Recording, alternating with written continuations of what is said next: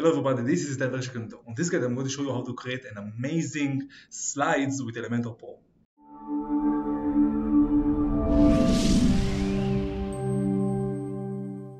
Okay, so in order to be able to make slides with Elementor, you have to download Elementor Pro and I'm putting the link to download Elementor Pro on the description below. Now after you have created a new page, you have to edit it with Elementor and you have two options. One is to search the widget slides right here you can just drag it here and you can make some new slide with the page layout of Elementor full width.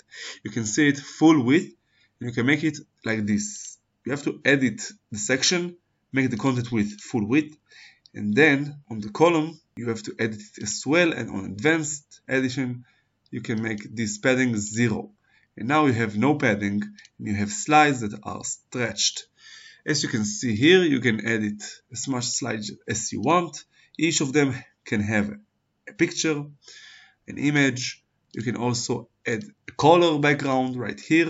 It has a little bit of delay as you can see, but this is how you do it. After that, you can edit the image. You can add what image you want. Doesn't matter what. For this example, just put this one here. And now I can add a Ken Burns effect. I can make it do a zoom direction in or out for the effect. Also add the background overlays so you can see the titles and the description. The image won't disrupt the text. Here you can change the color. Here you don't have any delay as you can see. And of course make it responsive. Check the tablet portrait right here. Check the mobile portrait right here and if it's too high you can make it shorter like this. A second option to make beautiful slides is just to edit the section right here. So delete this slide, edit the section, make a height like this, 400 pixels maybe. The style of the background type should be slideshow and you can add as much images as you want.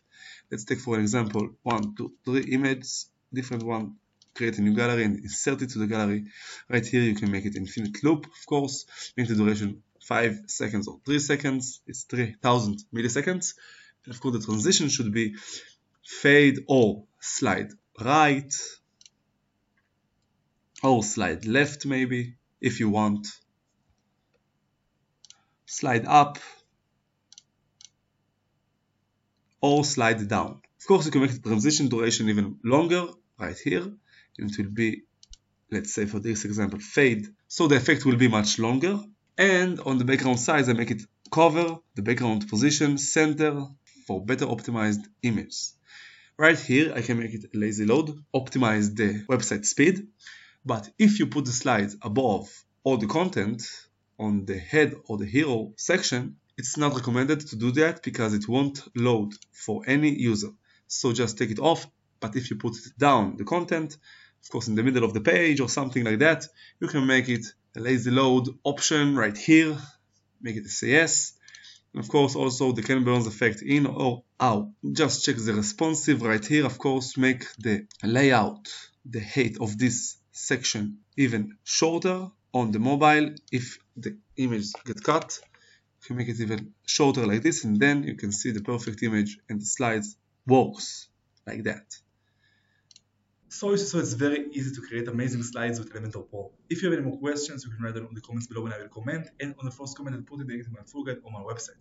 And if you like this video, you can subscribe, comment, and share. And good luck.